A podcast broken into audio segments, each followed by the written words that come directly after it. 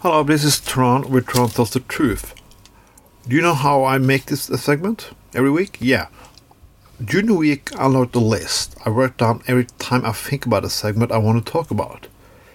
So, is among that list, I pick one every week.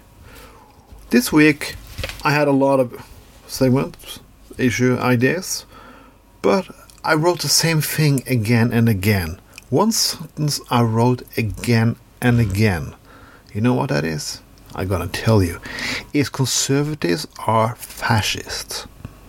Why do I talk about this? Because every time I see the news, this this last few weeks and last months and last years, the same bullshit come again and again and again.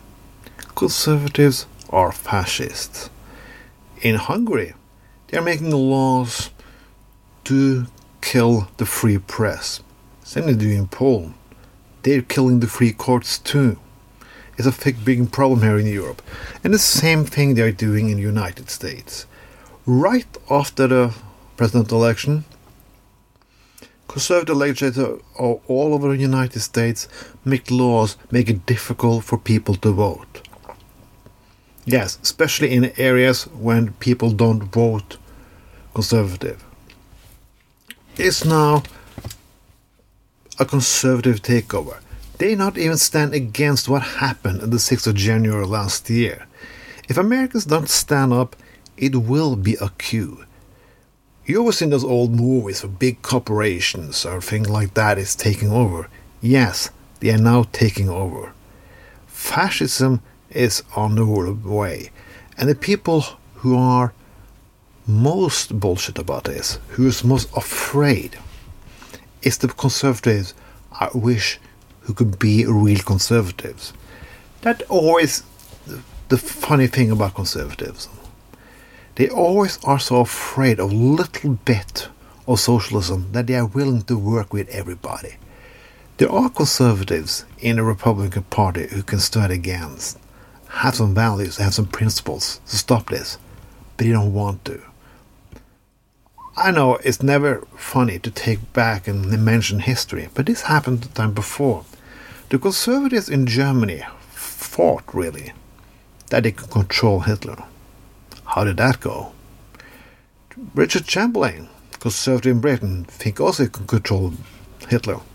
How did that go? He came with a note after he gave part of Czechoslovakia away to Adolf Hitler and said, "This call it peace in our time." Yeah.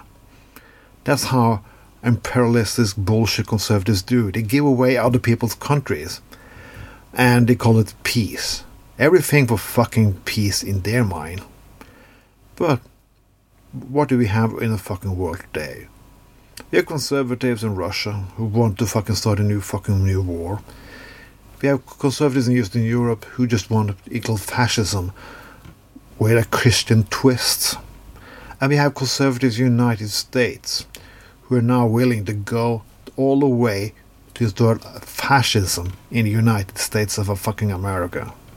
Yeah, fascism. You know what that is? You want to know what it is? Yeah, that's what you fought against during the fucking last World War. I use hard word this time, but I can't fucking take it anymore. Many years ago, I think it was 15 years ago, I started a blog called Anti-Conservative Forum. I started it because I was afraid of Bush, but I also, 15 years ago, saw where it was heading. A lot of people said, Why do you do this? They will never. They always been nice, it's good, this is bullshit, you're all reacting it. But I didn't overreact. I saw the way it was heading, and I saw which branches of the conservative movement who started to fuck things up. We have spent trillions of dollars on wars. We have been destroying liberty in a big reason for, yeah, excuse of having a fight against terror. But now it's come to the last step. Now we're killing the rest of democracy.